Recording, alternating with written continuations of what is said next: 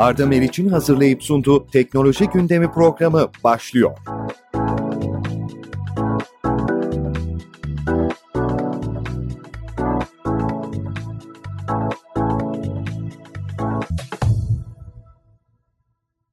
Sevgili dinleyiciler, Türkiye'nin en prestijli iş istasyonundan herkese merhaba. Güncel yaşam ve teknolojiye dair her şeyi konuştuğumuz, gündeme farklı bir bakış açısı getirdiğimiz Arda Meriç'le teknoloji gündemi başlıyor. Ve yine değerli bir konuğumu sizlerle bir araya getiriyorum. Karşınızda İlhan Yılmaz, teknoloji dünyasının tabiriyle Monster Bey. Hoş geldiniz İlhan Bey. Hoş bulduk Arda, çok teşekkür ederim.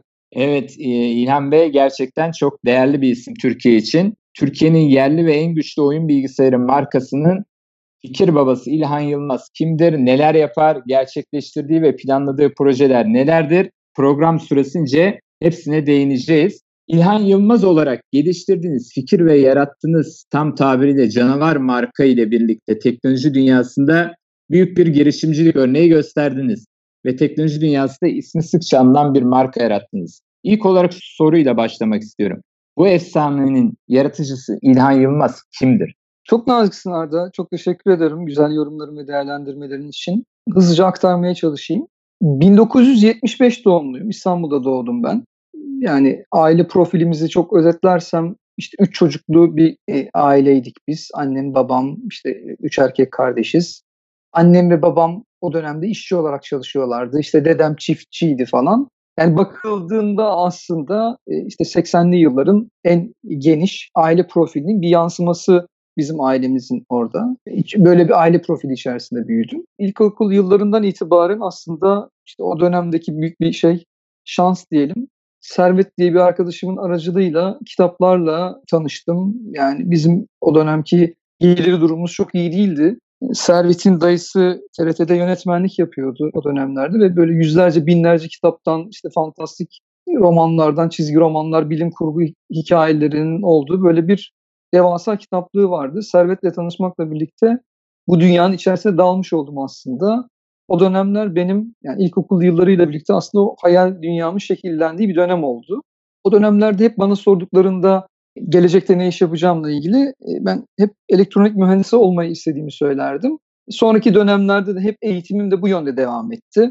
İşte işte meslek lisesinde elektronik bölümüne gittim. Sonrasında ben elektronik yüksekokul mezunuyum Marmara Üniversitesi. Orada yine elektronikle ilgili eğitime devam ettim ama Marmara Üniversitesi'nde 1993 yılında yaptığım bir stajla aslında bilgisayar sektörüyle tanışmış oldum ve devamındaki yolculuk aslında hep bunun üzerine inşa edildi. O döneme kadar hep elektronikle ve elektronik mühendisi olarak hayatıma devam edeceğimi söylerken devamında artık ben e, gelecek projeksiyonumun bilgisayar üzerine kurulu olmasının heyecanını yaşamaya başlamıştım. Sonra uzun bir dönem 2000'li yıllara kadar olan dönem sektör içerisinde çıraklıktan başlayarak diyeyim yani ilk, ilk olarak masa silip yer temizleyerek işte serviste giden birilerinin yanında çanta taşımaktan başlayarak en son bir şube yöneticiliği pozisyona kadar çalıştıktan sonra 2000 yılında kendi şirketimizi kurduk ve yaklaşık 20 yıllık bir serüveni geride bıraktık e, diyebilirim. Evliyim.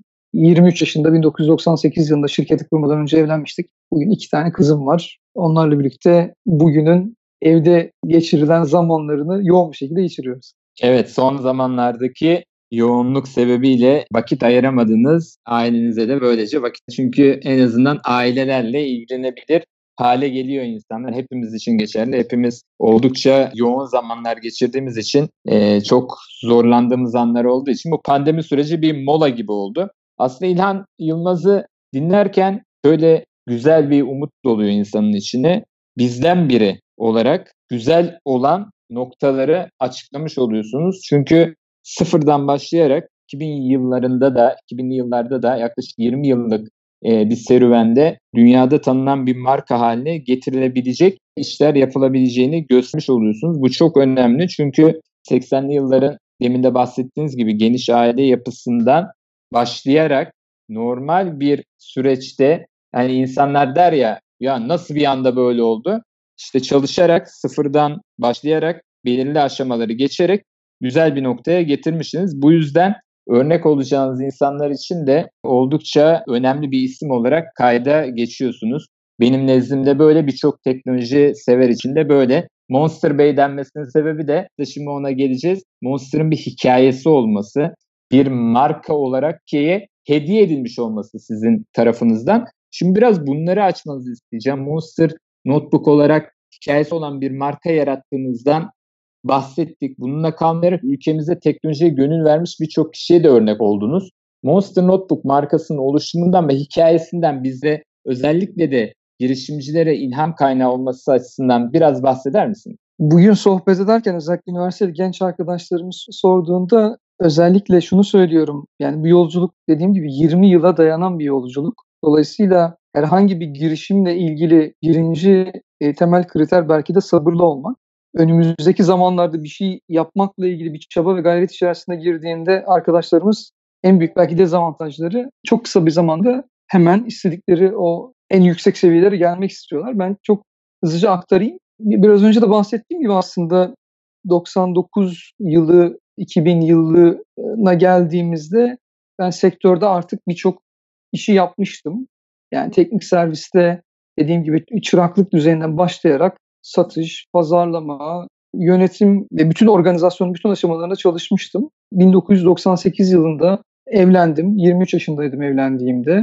1999 yılı ülkemiz için çok zor ve sıkıntılı bir yıldı hatırlarsan. Bir deprem geçirmişti ülkemiz. O dönemlerde şeydi sancılı süreçlerdi. Böyle enflasyonların %50-60'lar düzeyinde olduğu böyle anormal süreçler geçiriyorduk. Yani bugünle kıyaslanamayacak bambaşka bir tablo vardı. Her dönemin tabii zorlukları var ama 2000 yılına geldiğimizde 2000 yılı yaz döneminde en son çalıştığım şirkette artık işler çok iyi gitmiyordu. Ben de o dönemde birlikte çalıştığımız arkadaşlarımızla birlikte şirketten ayrılmıştım. Önümde de çok zor bu Matrix'teki sahneler gibi bir sahne vardı. Böyle hapların olduğu bir sahne vardır Matrix'i hatırlarsan. Askere gitmemiştim henüz. 25 yaşındaydım ve yüksek okul mezunu olduğum için uzun dönem askerlik yapmam gerekiyordu. Bunu ben böyle kırmızı hap olarak nitelediğim bir seçenekti bu. Diğeri mavi hap. Bir önceki şirkette zaten yönetici olarak çalışıyordum. Dolayısıyla sektörün içerisinde herhangi bir firmada hemen bir yönetici pozisyonunda hızlıca işe girebilir ve orada çalışmaya devam edebilirdim. Bu belki mavi hap diyebileceğim bir haptı. Bu daha kolay bir seçenekti bizim açımızdan aslında o dönemde bakıldığında. Bir de içimizde hep şey vardı. Kendi işimizi kurmanın heyecanı vardı. Girişimci bir yapımız vardı bir şekilde bizim. Eşim de sağ olsun o dönemde yaptığımız konuşmalarda bu tarafını destekledi. Yani girişimci tarafımızı destekledi. Ve cebimizde bugünkü paralarla belki 7-8 bin liralar diyeceğimiz kadar paramız olmasına rağmen biz kendi şirketimizi kurma kararı verdik. Yeşil Hap diye niteliyorum. Bu Yeşil Hap'ı aslında seçmiş olduk o dönemde. 2000 yılının Eylül ayında kendi şirketimizi kurup o dönemde Focus Bilgisayar ismiyle çalışmaya başlamış olduk. E, tabii 7-8 bin liralarla şirket kurmak teknik olarak çok mümkün değil. Arka planda geçmiş dönemde yaptığımız, sektör içerisinde birlikte çalıştığımız firmalarda oluşturduğumuz bir güven ve itibar vardı. Aslında her şey bunun üzerine inşa edilmişti. 7-8 bin liralarla başlattığımız, start verdiğimiz işimiz aslında arka planda neredeyse 7-800 bin liralık e, işte milyonlar mertebesine dayanacak bir sermaye gerektiriyordu. Bu da aslında itibarla desteklenmiş oldu. Birlikte çalıştığımız firmalara gelecek projeksiyonlarımızı, Türkiye'den bir dünya markası çıkarma heyecanımızı anlattık o dönemlerde. Hepsi gülümsediler tabii. Yani bunun bir hayal olduğunu, işte bunu gerçekleştirmemizin çok mümkün olmadığını söylediler ama e, bize güveniyorlardı. E, geçmişteki ilişkilerimiz nedeniyle bizi destekleyeceklerini söylediler ve o şekilde başlamış olduk. 2000 yılının Eylül ayında. O dönemde işimiz bilgisayar parçaları toptan satışıydı ve bunun gelecek vaat etmeyen vizyoner bir iş olmadığını da biliyorduk. Bir, hep bir marka arayışımız vardı önümüzde. 2001 yılının yaz döneminde seyrettiğimiz bir animasyonun e, tanıtım filmi e, aracılığıyla markamızı bulduk. Türkçe'ye Sevimli Canavarlar diye çevrilen bir şey çizgi film var Monster Inc. E, onu eşimle birlikte seyrederken tam da o dönemde yoğun bir şekilde zaten bir marka arayışı içerisindeydik. İşte dedik bu bizim aradığımız marka ve öylece yolculuk başlamış oldu. Marka tescili, sonrasında ülkedeki e, koşulların e, bu böyle bir işi yapmak için uygun bir zamanı gelmesi e, için 2005'lere kadar beklemek zorunda kaldık. 2005'ten itibaren ilk ürünler pazara çıktı. E, ama bahsettiğim dönemde ayda 10 tane, 20 tane, 30-40-50'ler adetlerde ürünler sattığımız bir dönemden bahsediyorum. Sonrasında hedef o zaman en başından itibaren bir global marka haline getirmekti. Türkiye'den bir dünya markası çıkarmaktı. Bugün tabii başka bir noktadayız. Yani biz Monster markası altında güç ve performans ürünleri sunuyoruz. Bu alana odaklanmış durumdayız. Geçen sene yaptırdığımız bir araştırmaya göre şu an Türkiye'nin en çok bilinen oyun bilgisayar markası konumuna gelmiş durumdayız. Ve müşteri memnuniyeti açısından da en çok teşekkür edilen, en yüksek müşteri memnuniyeti seviyesine e, seviyesinde markalar konumuna gelmiş durumdayız. Tabii yapacak çok şey var, gidecek çok yol var. Evet, gerçekten tam bir başarı hikayesi diyebiliriz. Aslında hepimizin içerisinde yaşadığı duyguları şu anda İlhan Bey'den dinliyoruz. Çünkü insanlar insan olarak her zaman farklılaşma adına çalışmalar yapmak ister, risk alması gerekir. Bu risk de işte İlhan Bey'in bahsettiği gibi mavi hap, yeşil hap olayıdır. Çünkü ya belli bir şirkette çalışma düzenine devam edeceksinizdir ya da artık kafanızdakileri uygulamaya geçirebilmek için yavaş yavaş hareket etmeniz gerekmektedir. E, Monster'ın rengi de yeşil. Yeşil hap da oradan geliyor herhalde. Böyle bir çalışma kiye de kazanım sağlayan bir marka yaratımına geçilmiş ve aslında daha da güzel olanı İlhan Bey'in bunu e, rahatlıkla her platformda söyleyebiliyor olması marka isminin aslında bir filmden ortaya çıkmış olması işte Sevimli Canavarlar filminden. Sonuçta zaten canavar tabir edilen bir şey olduğu için, e, isim olduğu için Türkiye'de güçlü bilgisayar, oyun bilgisayarları manasında kazandırılmış bir isim oldu. Burada İlhan Bey'in anlattıklarına değinecek olursak hayallerinin gerçeğe dönüşmesi için günün koşullarında gerçekleşmesi gerektiğini İlhan Bey bize aktarıyor. Nedir bu aktardığı? İlk olarak kurduğu Focus bilgisayarda normal donanım ürünleri satarak firmayı idame ettirirken yavaş yavaş arka planda hayalindeki çalışmaları yapıp ortamı geldiği zaman, yeri geldiği zaman, zamanı geldiği zaman projeyi ortaya çıkartıp ve çok kritik 2-3 e, cümle sarf etti kendisi.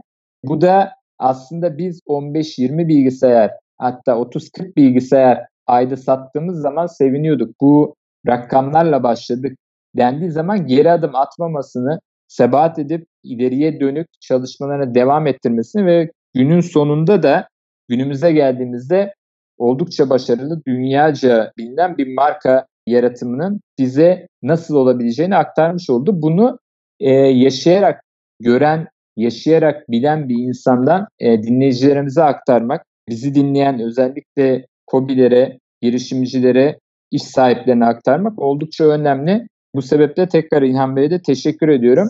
Ee, İlhan Bey ben oldukça... teşekkür ediyorum Arda. Bu, rica ederim. Rica bu, bu verileri paylaşmak da bir dediğin gibi çok kritik. Çünkü bu uzun soluklu bir yolculuk ve bu hikayelerin paylaşılmasının çok çok önemsiyorum.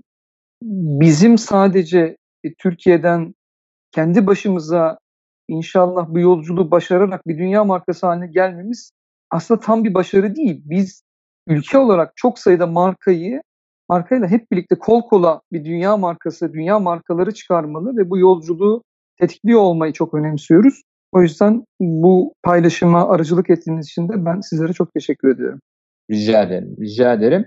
Peki oldukça güçlü ve başarılı bir ekip kurdunuz bu süreçte ve dünya ünlü markaları birçok konuda özellikle de benim örnekleyebileceğim kullanıcıların da özen gösterdiği servis konusunda başarılı çalışmalar ile öne çıkar hale geldiniz. Farklılaşma adına yaptığınız çalışmalardan dinleyicilerimize biraz bahseder misiniz? Yani Monster Notebook diğer e, markalardan neyi farklı sunuyor? Sonuçta hepsi bilgisayar ama ben bunu çok iyi biliyorum. Özellikle deneyimlerimden dolayı örnekleyebileceğim bahsettiğim gibi servis yönü var. Bunun yanında farklı yönler de olabilir. Sizden dinleyelim isterim. En başa dönmek lazım burada. Biz aslında marka ismimizi e, Monster olarak seçmekle aslında müşterilerimize bir vaatte bulunmuş ve bir söz vermiş olduk. Yani ben hani seninle epey bir zamandır tanışıyoruz. Yani beni biraz tanıyorsun. E, hem kişisel olarak hem marka olarak mutlaka verdiği sözleri tutan, vaatlerin arkasında duran bir konumda olmayı çok doğru buluyorum. O yüzden bizim marka ismimizi Monster olarak seçmekle birlikte aslında bu yolculuk başlamış oldu. Biz mutlaka güçlü bilgisayarlar üretmeli ve verdiğimiz sözleri tutarak e, ürünlerimiz tarafında o gücün ve performansı müşterilerimize e, geçiyor olduğunu hissettirmemiz çok kritikti. Belki en önemli farklılıklarımızdan bir tanesi bu. Biz marka ismiyle eşleşmeyecek yani verdiği söz ve vaadi yerine getirmeyecek hiçbir ürünü portföyümüze öncelikle koymamayı tercih ediyoruz. Bunun dışında en başından beri yani 2005'li yıllardan beri söylediğimiz hepinizin belki birçoğunuzun duymuş olacağı böyle slogana dönüşmüş olan oynayamadığınız oyun olursa anında para iade garantisi diye bir sloganımız var. E, bu artık bizimle birlikte eşleşti, özdeşleşti. Bugün oyun bilgisayarı kavramıyla birlikte anılan bir hale geldi yaptığımız iş. Burada da temel şey yine hep aynı şeye dayanıyor. Biz mutlaka e, yaptığımız ürünlere, yaptığımız işe inanıyor ve güveniyoruz. E, burada da güçlü bir şekilde bu vaadimizin arkasında durmayı tercih ediyoruz. Servis hizmetlerinden bahsettiğim çok çok kritik. Yani Türkiye'de yasalarla belirlenmiş süreler var. İşte 20 iş günü içerisinde herhangi bir cihazda sorun yaşarsanız bunun çözülmesi gerekiyor. Bizim kendi içimizde farklı yasalarımız var değil. Yani biz buradaki süreleri ortalama 1 ile 3 iş günü içerisinde sınırlayıp yani oradaki çözümü olabildiğince kısa sürelerde tutmaya gayret ediyoruz. Aslında kendi içimizde bir yıkım gerçekleştiriyoruz. Yani oradaki servis süreleriyle ilgili hedefimizi değiştirmeden gerekirse insan kaynağı ihtiyacını büyüterek müşteri memnuniyeti düzeyini hep yukarı doğru taşımaya gayret ediyoruz. İlk 15 gün içerisinde herhangi bir memnuniyetsizliği varsa müşterimizin herhangi bir sebeple yani koşulsuz olarak ürünü iade alıyoruz. Yani bizim için çok önemli bir yaklaşım. Çünkü bu yolculuğun sadece bir bilgisayar satışıyla gerçekleşmeyeceğini insanın insanların ömrü boyunca hesaplandığında 20 veya daha fazla sayıda bilgisayar kullanabileceğini biliyoruz.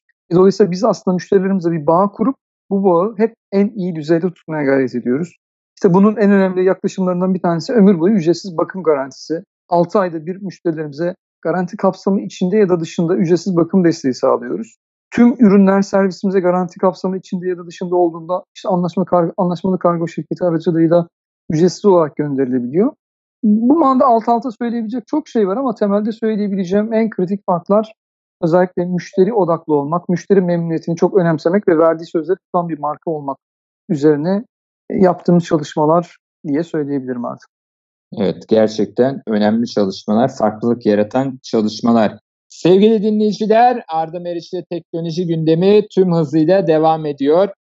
İlhan Bey'den Monster Notebook'un farklarını insanlara, kullanıcılara sağladıklarını anlatmasını rica ettik ve güzel farklar çıktı. İşte 3 iş günü içerisinde maksimum çözüm, ilk 15 gün içerisinde koşulsuz iade, ömür boyu bakım garantisi 6 ayda bir. Bunlar duymadığımız şeyler, çok markada olmayan servis hizmetleri.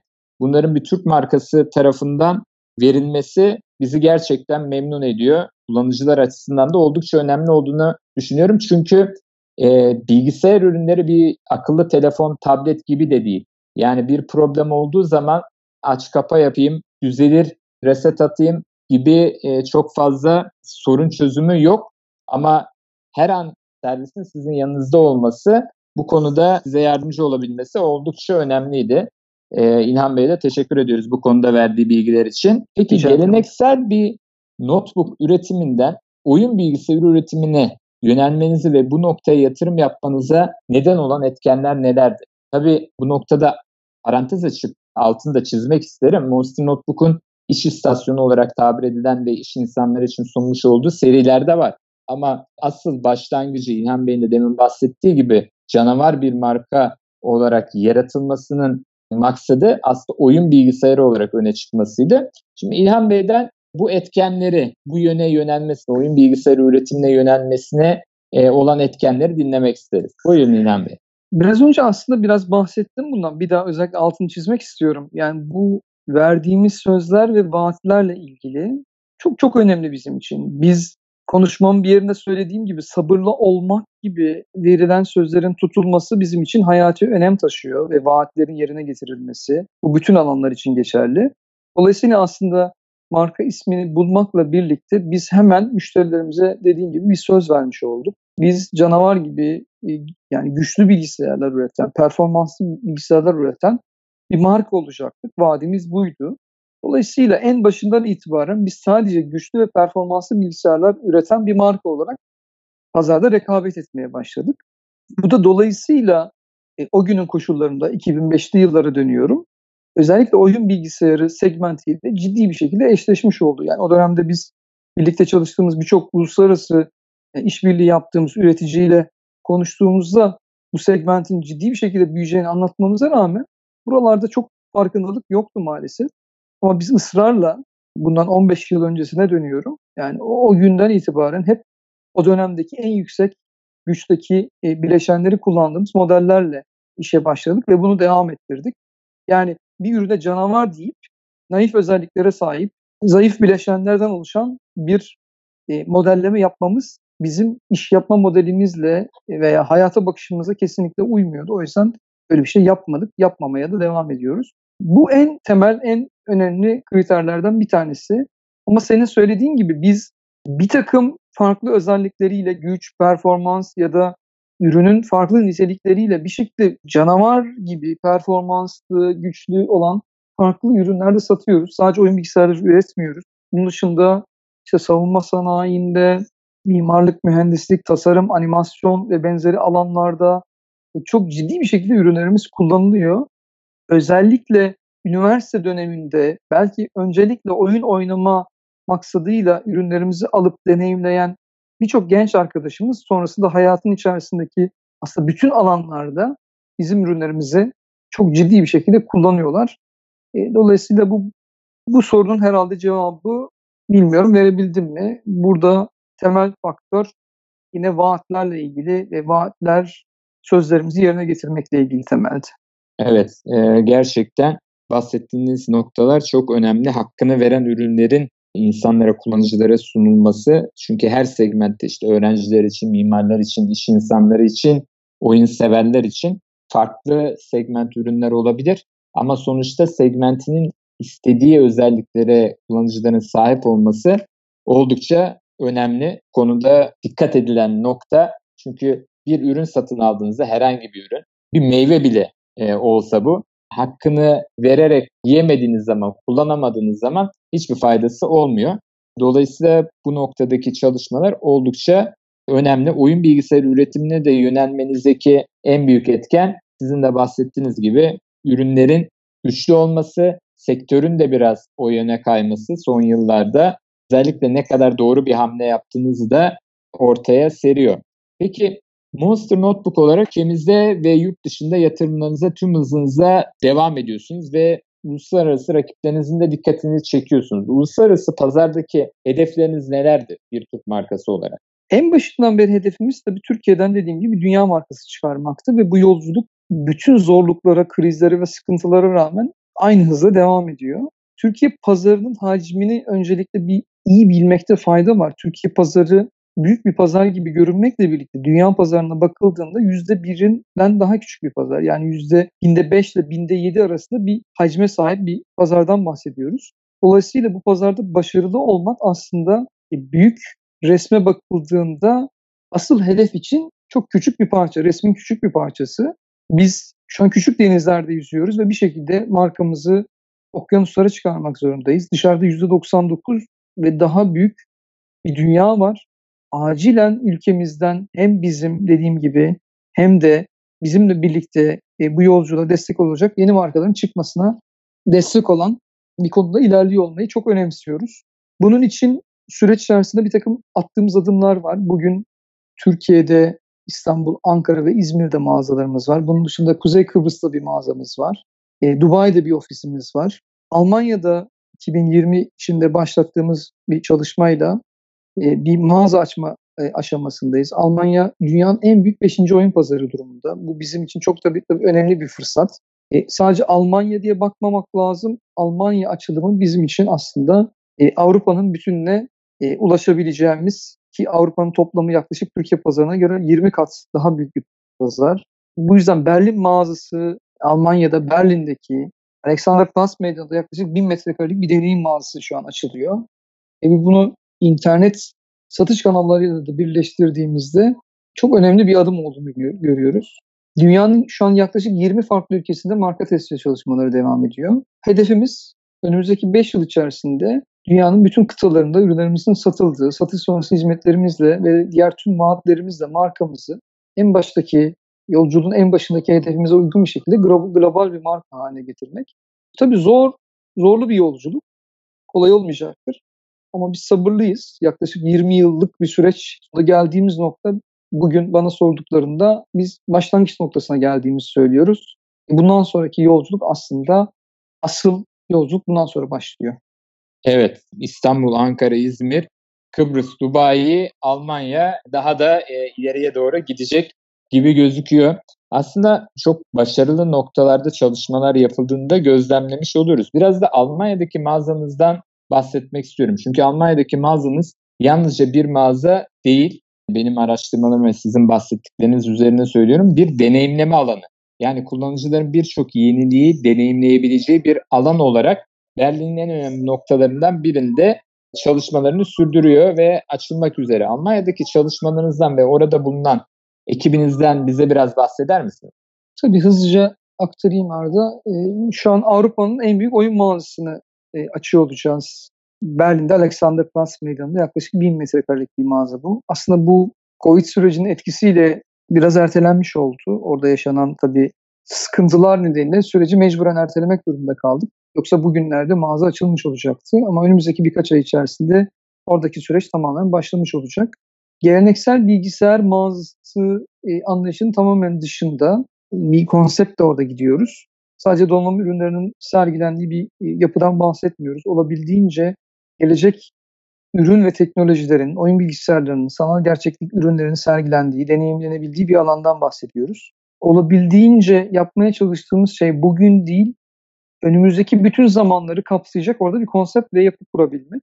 Bunu çok önemsiyoruz. Aslında bir fuar alanı gibi yani sürekli güncellenen bir fuar alanı gibi düşünüyoruz biz oradaki yaptığımız çalışmayı. Ve gelecek teknolojileri bu işin merkezinde yer alıyor. Oradaki temelde yaptığımız şey geleceği deneyimleyebileceğiniz alanlar oluşturmak ve olabildiğince güncel teknolojileri orada e, deneyimleyebilmek. E, bu sadece tabii mağaza konsepti içerisinde yapmayacağız oradaki çalışmalarımızı. Özellikle Amazon üzerinden önümüzdeki kısa bir zaman içerisinde Avrupa satışlarımız başlayacak. Almanya'da oluşturduğumuz kadro oldukça profesyonel arkadaşlarımız var. Türkiye'de e, birlikte çalıştığımız bir arkadaşımız ailesiyle birlikte Almanya'ya yerleşti. Sen de çok iyi tanıyorsun Kayra, Kayra Keriküpçü. Yani Kayra zaten oyun dünyasının tam böyle merkezinde olan bir arkadaşımızdı. Şu an Kayra Almanya'da yaşamaya başladı ve oradaki süreci e, birlikte yürütüyoruz, yönetiyoruz. Yaklaşık 6 ay kadar önce ekibimize e, Bilgin Bey katıldı. Bilgin Bey global satış direktörümüz konumunda.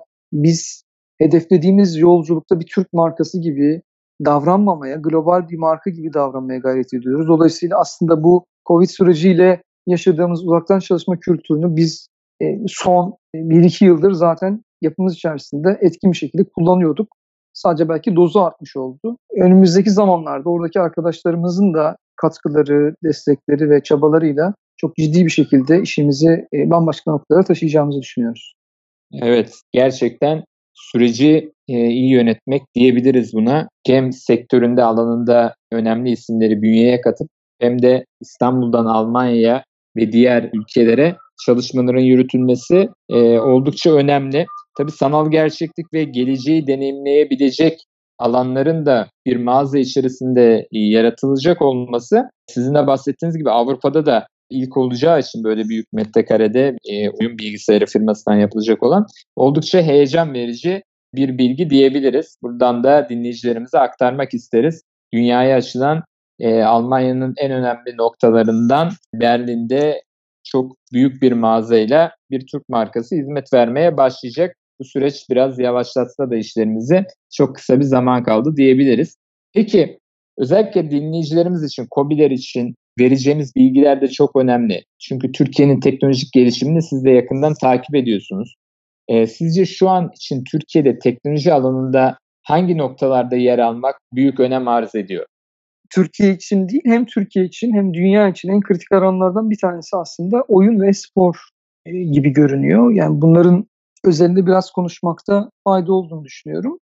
Dünyadaki rakamları şöyle bir hızlıca aktarayım isterseniz.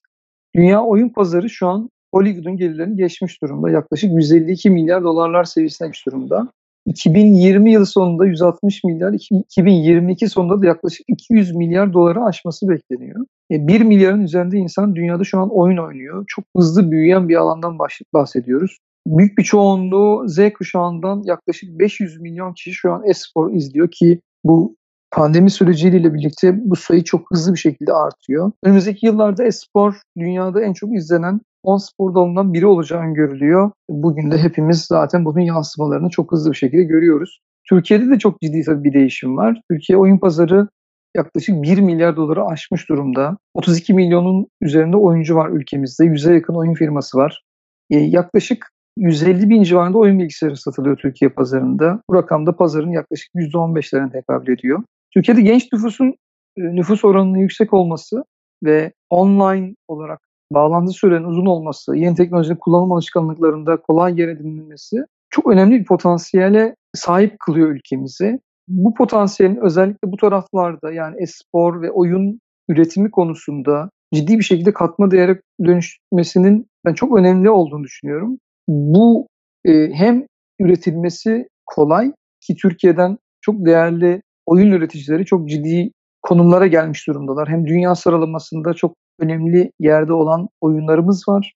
Hem çok önemli üreticilerimiz var. Bunlardan bazıları 100 milyon dolar, 250 milyon dolar gibi böyle değerlerle global markalar tarafından satın alındılar hatta. Yani dolayısıyla buralarda iş geliştirmek çok kolay ve çok hızlı olabilecek gibi görünüyor. Bu çalışma ülkenin üretimine ve ihracata, buralardaki hedeflerimize aslında kendi içimizdeki potansiyeli açığa çıkarmaya, e, geleceğimiz için doğru zemini oluşturmaya çok e, aday fırsat alanlar gibi görünüyor. Bu alanları özellikle genç arkadaşlarımızın önemseyerek bu alanlara yatırım yapmasının çok e, anlamlı olduğunu düşünüyorum. Evet, gerçekten iyi bir noktaya değindiniz. Oyun şu anda e-spor dediğimiz sektör büyük bir gelişim gösteriyor. Pandemi süreciyle birlikte rakamlar da bir anda tabir etmek gerekirse coşmaya başladı diyebiliriz. Tüm dünya genelinde böyle işte İlhan Bey rakamlar verdi. E, 152 milyar dolarlık bir oyun geliri sağlanıyor. 1 milyar üzerinde oyuncu oyun oynuyor. 500 milyon kişi e-spor izliyor ki bu devamlı artıyor. Ve önümüzdeki yıllarda en çok izlenen 10 spor dalı arasında e-spor karlarda yerini alacak. Tabii oyun pazarının Türkiye'de de belirli bir e, seviyeye aşmasıyla birlikte yavaş yavaş oyun sektöründe üretim yapan yazılım geliştiriciler de değerlenmeye başladı. İlhan Bey de bahsetti demin 150 milyon dolar, 250 milyon dolar gibi rakamlara oyun firmaları e, satılıyor veya oyunları e, satın alınıyor. Oldukça gelişen bir pazar. E, ben her zaman söylüyorum donanım yerine yazılım üzerinden gitmek ülkemiz açısından şu anda çok daha faydalı. Çünkü donanım ürettiğiniz zaman maliyetleriniz de çok daha fazla oluyor ve lisanslamalar gibi kriterler sebebiyle duvara toslayabiliyorsunuz tabir etmek gerekirse ama yazılımda yeni bir şey yarattığınız için benzersiz bir şey yarattığınız için bunu sunduğunuz zaman oldukça faydalı hem gelir modeli elde edilmiş oluyor hem de kullanıcılara da dünya genelindeki kullanıcılara da açılmış oluyorsunuz. Burada İlhan Bey'in bahsettiği gibi e, e-spor önümüzdeki yıllarda adından oldukça söz ettirecek gibi geliyor bana. Sevgili dinleyiciler Arda Meriç'e teknoloji gündemi tüm hızıyla devam ediyor. Konuğum İlhan Yılmaz ile oldukça önemli noktalara değiniyoruz. Bir markanın büyümesinden özellikle İlhan Bey'i konuk olarak alma sebeplerimden bir tanesi de örnek olması açısından. Yani Türkiye'den bir şey çıkmıyor. Türkiye'de bunu yapamayız dememeli kimse. İşte çıkıyor ve e, sizden bizden biri olarak çıkıyor. Yani e, bir anda böyle büyüyen nereden geldiği belli olmayan bir isim değil. Bize e, şu anda e, dinleyicilerimize kronolojik olarak da Monster Notebook markasının nasıl yaratıldığını ve nasıl bu noktaya geldiğini açıkladı. Kendisine çok teşekkür ediyoruz ve şimdi de ileriye dönük yani önümüzdeki yıllardaki teknolojik gelişmelerin neresinde yer alınırsa e, fayda sağlanabilir onlara değinmeye başladık. Ülkemizdeki Oyun bilgisayarı denilince akla ilk gelen markaların başında olan Monster Notebook olarak demin de bahsettiğiniz e-spor içinde oldukça faydalı çalışmalar yürüttüğünüzü ve bu turnuvaları desteklediğinizi biliyoruz. Bize bu çalışmalardan da biraz bahseder misiniz? Monster Notebook olarak bizim tabii vizyonumuzu önce bir tekrar ortaya koymak lazım. Biz oyun dünyasında e, sunduğu çözümlerle mükemmel müşteri deneyimi yaratan küresel bir teknoloji markası olmayı hedefliyoruz. Vizyonumuz doğrultusunda da espor, esporcu bizim için çok çok önemli kavram ve burada biz mutlaka esporun ve esporcuların yanında olmayı çok önemsiyoruz. Ürünlerimizin yüksek performansıyla sağladığı kesinsiz ve mükemmel oyun deneyimi aslında bir şekilde rekabetin ve oyun coşkusunun en yüksek düzeye çıkmasını sağlıyor. Bununla ilgili aslında geçen sene 2019'da İzmir'de gerçekleşen e, Türkiye ESL finallerinde bir ilk yaşandı. Oradan kısa bir örnek vermek istiyorum. Bugüne kadar hep e-spor turnuvalarında masaüstü bilgisayarlar kullanılıyordu. Çünkü hiç mobil bilgisayarların e, böyle bir turnuvada kullanılması deneyimlen, deneyimlenmemişti. Turnuva öncesinde biz işte ESL Türkiye'deki arkadaşlarla birlikte ürünlerimizi özellikle incelemelerini bizim bilgisayarlarımızın çok çok güçlü bilgisayarlar olduğunu, desktop masaüstü bilgisayarlar yerine bizim bilgisayarların kullanılabileceğini özellikle söyledik. Sağ soldaki arkadaşlar da ürünler üzerine gerekli incelemeleri yaptılar ve devamında dünyada bir ilk gerçekleşti. Dünyadaki aslında kurallar değişti e-spor turnuvaları açısından ESL tarafında. E, ilk defa final karşılaşmaları e, masaüstü bilgisayarlar yerine Monster notebooklar üzerinde oynandı. Bu bizim için aslında hem e-spor tarafında hem kendi içimizde bir devrim. Dünya e, genelindeki e-spor kurallarında bir değişikliğe gitmeyi bir Türk markasının başarmasının ben çok çok önemli olduğunu düşünüyorum. O yüzden yapılamaz, gerçekleştirilemez kavramları bizden oldukça uzak. E-spor dünyası çok çok hızlı bir şekilde büyüyor. Özellikle uzaktan çalışmanın, e, evde olmanın gerektirdiği bu günlerde bu dünyanın ne kadar da çok renkli bir dünya olduğu da açığa çıkmış durumda. Biz burada farklı birçok organizasyona ev sahipliği ya da sponsorluklar yapıyoruz, yarışmalar düzenliyoruz, turnuvalar düzenliyoruz. Önümüzdeki zamanlarda da bu mandaki çalışmalarımız artacak. E, Türkiye'nin bu manda iyi bir global oyuncu, espor arenasında global bir oyuncu olabileceğine inanıyoruz. Biz de bunun olması için elimizden gelen desteği vereceğiz. Evet, e, bu da önemli bir nokta. Dünya genelinde e, turnuvalar düzenleyen bir statüye değişiklik yaptırılması yani masaüstü bilgisayarlar kadar güçlü oyun bilgisayarları, notebookları olabileceğinin anlatılması ve karşılaşmalarda özellikle final karşılaşmalarında bir Türk markasının kullanılması da gerçekten gurur verici bir nokta diyebiliriz. Peki pandemi sürecinden bahsedecek olursak aslında sona bırakmamın sebebi çok geniş konuşulması gereken bir konu. Ama sizden de dinleyeceğimiz önemli e, bilgiler olduğu için bilgilerin gelişimini pandemi sürecini sona sakladım. Pandemi sürecinden bahsedecek olursak bize Monster Notebook'un bu dönemi nasıl geçirdiğinden ve bu dönemde devreye aldığınız uygulamalardan biraz bahseder misiniz? Çünkü başarılı bir marka olarak geçirdiğiniz süreç, aldığınız kararlar Türkiye'deki diğer COBİ'ler, e, orta ölçekli firmalar için de örnek oluşturabilir. Bu sebeple sizden dinlemek isterim. Tabii bizim için dünya için bakıldığında bu benzersiz bir dönem geçiriyoruz şu an. Dolayısıyla bu dönemlerde alınan kararlar da geçmişte benzeri olmayan aslında kriz yönetimi kararlarıydı. Andan itibaren hemen yani çalışanlarımızın ve müşterilerimizin sağlığı için gerekli tedbirleri aldık. Bu çok önemliydi bizim için. Mağazaları sektördeki diğer firmaların aksine çok hızlı bir şekilde kapattık. Yaklaşık 17 Mart tarihinde karar alıp birkaç gün içerisinde mağazalarımızı ve servislerimizi kullanıcıların ziyaretine kapattık. Bunu çok çok önemli olduğunu düşünüyorum. Çünkü çok yoğun bir müşteri ziyareti olan bir alandı mağazalarımız. Orada çok ciddi risklerin oluşmasına sebep olabilecek bir süreçti hatırlarsan o Mart dönemi özellikle. Özellikle orada aldığımız belki en önemli kararlardan biri bu mağazalarımızı kapatma kararıydı. Devamındaki süreçte tabii aslında hazır bir altyapımız vardı dediğim gibi bizim. Yani orada her an kullanılmaya hazır ama çok bu yoğunlukta test etmediğimiz bir altyapımız vardı mevcut çalışmalarımızın hepsini dijital, dijital platformlara taşıdık ve çağrı merkezimize taşıdık. Web sitemiz, çağrı merkezindeki trafik çok tabii çok yüksek bir yoğunluğa ulaştı. Ama mağazadaki arkadaşlarımızın da desteğiyle hem çağrı merkezi tarafında hem online satış siteleri ve web sitemiz tarafında e, burada çok ciddi bir başarı elde ettiğimizi düşünüyoruz. Yani verilere baktığımızda orada iletişim açısından çok ciddi bir verimlilik elde etmeyi başardık. E, evden çalışma e, sürecine çok hızlı bir şekilde adapte oldu arkadaşlarımız. Yani ertesi gün neredeyse karar aldıktan sonra hemen evden çalışabilir hale gelmiştik. Eğer buna uygun bir altyapımız olmasaydı çok bizi zorlayacak veya sıkıntıya sokacak bir süreç olabilirdi. Bu manada tabii farklı neler yapabiliriz? Müşterilerimizin orada beklentilerini bugünün koşulları olmasına rağmen yine de farklılaştıracak neler yapabiliriz diye düşündük. 6 Mayıs tarihinden itibaren sektörde benzeri görülmemiş bir uygulamayı hayata geçirdik. Dijital, dijital mağaza konsepti e, hayatımıza girdi. Video konferans sistemi işte Zoom üzerinden kullanıcılarla buluşarak hem onların sorularını online dijital mağaza konsepti içerisinde cevapladık. Hem de haftanın belirli günlerinde salı, çarşamba, perşembe, cuma günleri e, randevularla birebir toplantılar yaparak müşterilerimize sanki mağazada bir arada olduğumuzdaki sürece benzer bir süreci dijital ortama taşımış olduk. Çok çok da verimli olduğunu görüyoruz burada yaptığımız çalışmaların. Müşterilerimiz de buradaki memnuniyetlerini ciddi bir şekilde dile getiriyorlar. Yani bir şekilde dijital de olsa oradaki sosyalleşme çok çok önemli e, gibi görünüyor. Bu arada tabii teknoloji geçiş süreci yaşadık.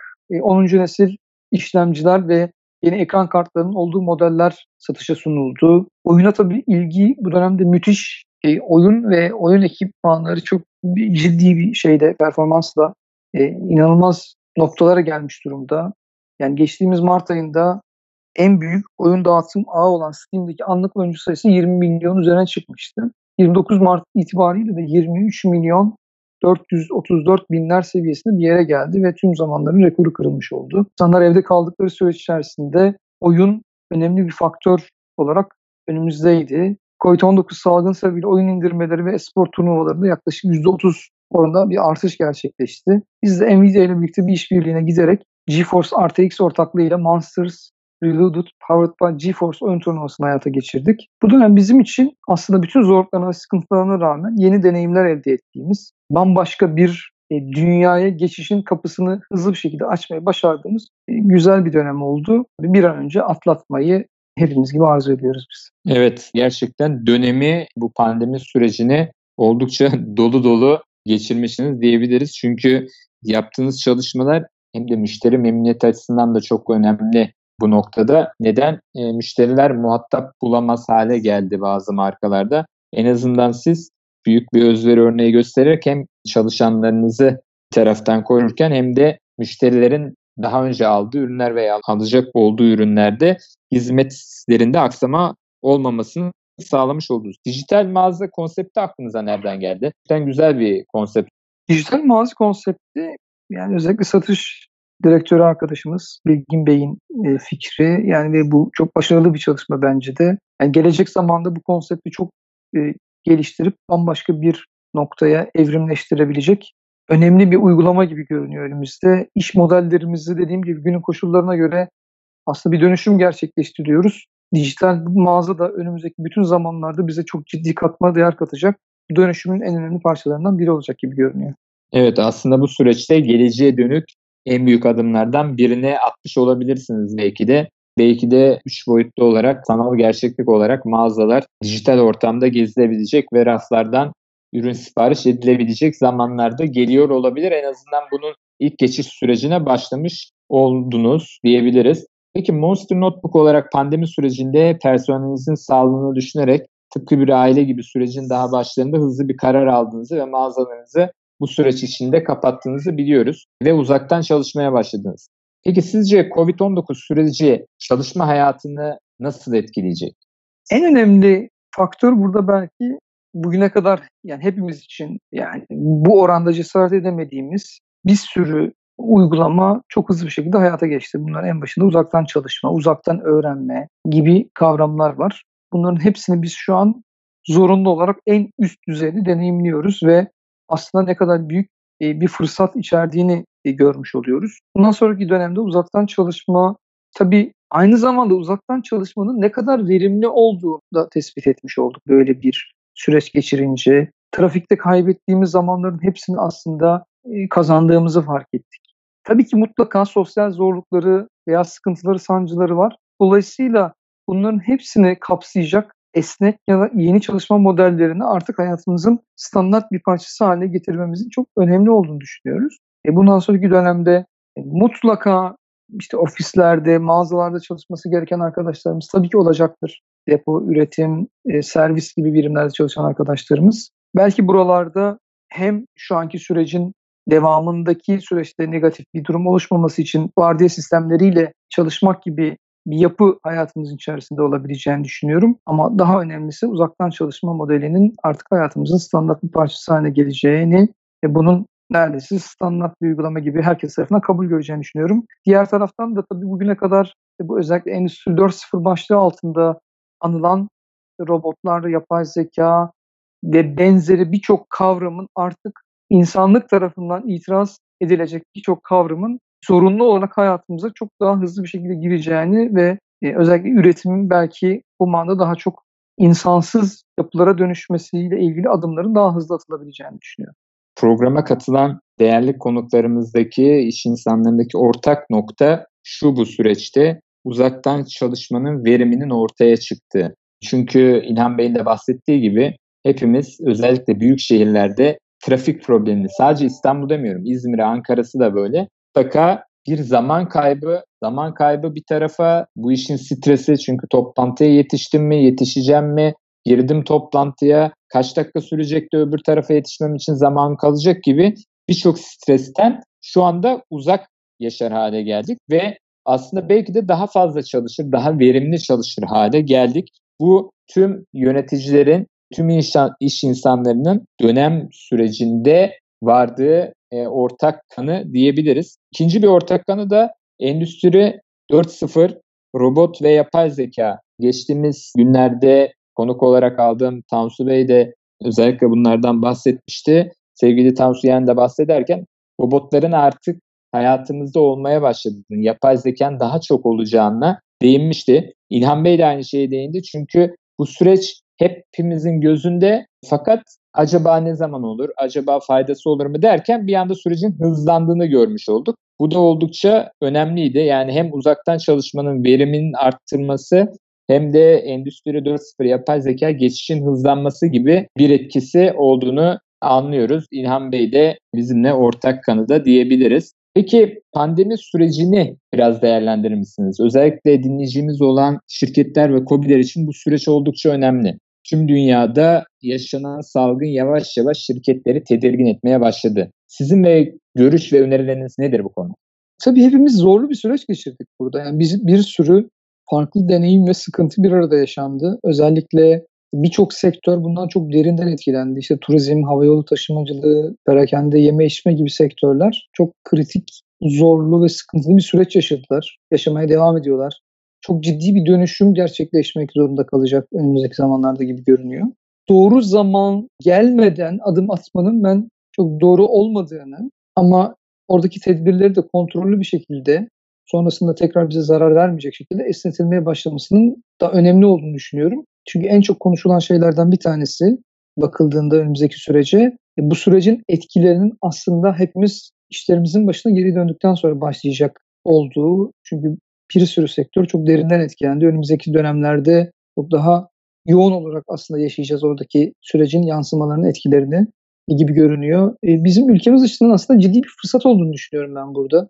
Özellikle üretim, lojistik gibi yapılara bakıldığında Çin merkezli, uzak doğu merkezli bugüne kadar gerçekleşen üretim yapılarının alternatifi çözümlerin mutlaka hayatımızın içerisine girmesi gerektiğini ve bunun da buna da en kolay uyum gösterebilecek konum olarak stratejik konumdaki ülkelerden birinin de ülkemiz olduğunu düşünüyorum. Bu manada doğru adımları atmayı başarırsak burası e, bizim için çok olağanüstü bir fırsata dönüşebilir diye düşünüyorum. E tabii burada şey çok kritik dönüşüm, dijital dönüşüm çok çok önemli gibi görünüyor. Bugüne kadar yaptığımız çalışmaların farklı bir şeyler mutlaka yapıyor olmalıyız. Mevcut alışkanlıkları acilen değiştirmek ve yeni davranış biçimlerine göre bir değişim gerçekleştirmek durumundayız.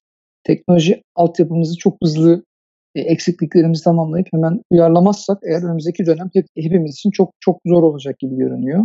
Artık dijital bir dünyanın tam merkezinde olduğumuzu görüyoruz. Görmeme şansımızın kalmadığı bir dönem yaşıyoruz. E bununla beraber tabii siber güvenlik çok önemli bir faktör olarak karşımıza çıkacak. Önümüzdeki dönemin en önemli tehditlerinden biri gibi görünüyor. Uzaktan çalışmayla birlikte buralarda belki farklı riskler karşımıza çıkacak. Bunların hepsini hepsinin dengesinde bir dönem önümüzde duruyor. Yani bu süreç önümüzdeki birkaç ay içerisinde inşallah tekrar etmeyecek bir şekilde diyelim sonuçlanacağını düşünüyoruz. Ama e, tabii ekonomik yansımaların e, derin boyutta olabileceği ve acilen bize düşenin dijital dönüşümle doğru konumlanmak olduğunu düşünüyor.